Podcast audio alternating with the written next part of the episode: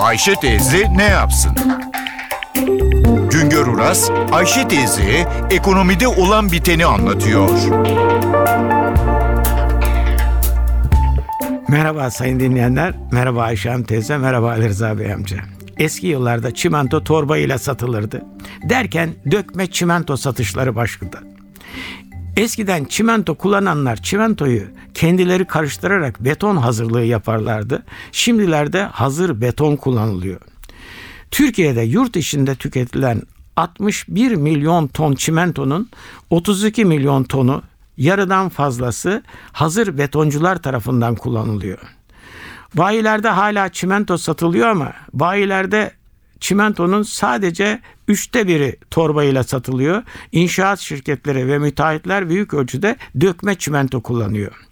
Hazır beton tesisleri inşaatın özelliğine göre kaliteli ve güvenli karışım hazırlıyor. Eskisi gibi deniz kumu kullanıldı mı, çimentoyu az mı konuldu kaygısı ortadan kalktı. Şimdilerde Türkiye'nin dört bir köşesinde 600'e yakın firmaya ait bine yakın hazır beton tesisi var. Hazır betonu şantiyelere taşıyan toplam 11 bin özel beton kamyonu ve şantiyelerde betonu kalıplara pompalayan 3 bin pompa kamyonu bu sektörde iş yapıyor.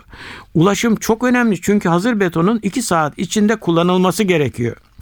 Hazır beton yoğun olarak Marmara bölgesinde kullanılıyor. Hazır betonun üçte biri Marmara bölgesinde, yüzde yirmisi İç Anadolu'da, yüzde on beşi Akdeniz bölgesinde kullanılıyor. Doğu ve Güneydoğu'da hazır beton kullanımı çok düşük oranlarda. Kentsel dönüşüm ile 8 milyon konutun yenilenmesi gündemde. Üçüncü köprü, üçüncü havaalanı ve bağlantı yollarında çok büyük ölçüde hazır betona ihtiyaç var.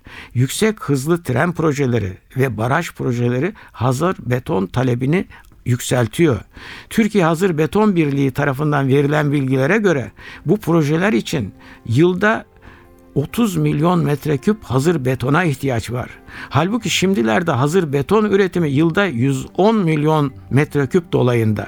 Demek ki yeni projeler hazır betona talebi üçte bir arttıracak. Bir başka söyleşide birlikte olmak ümidiyle şen ve esen kalınız sayın dinleyenler.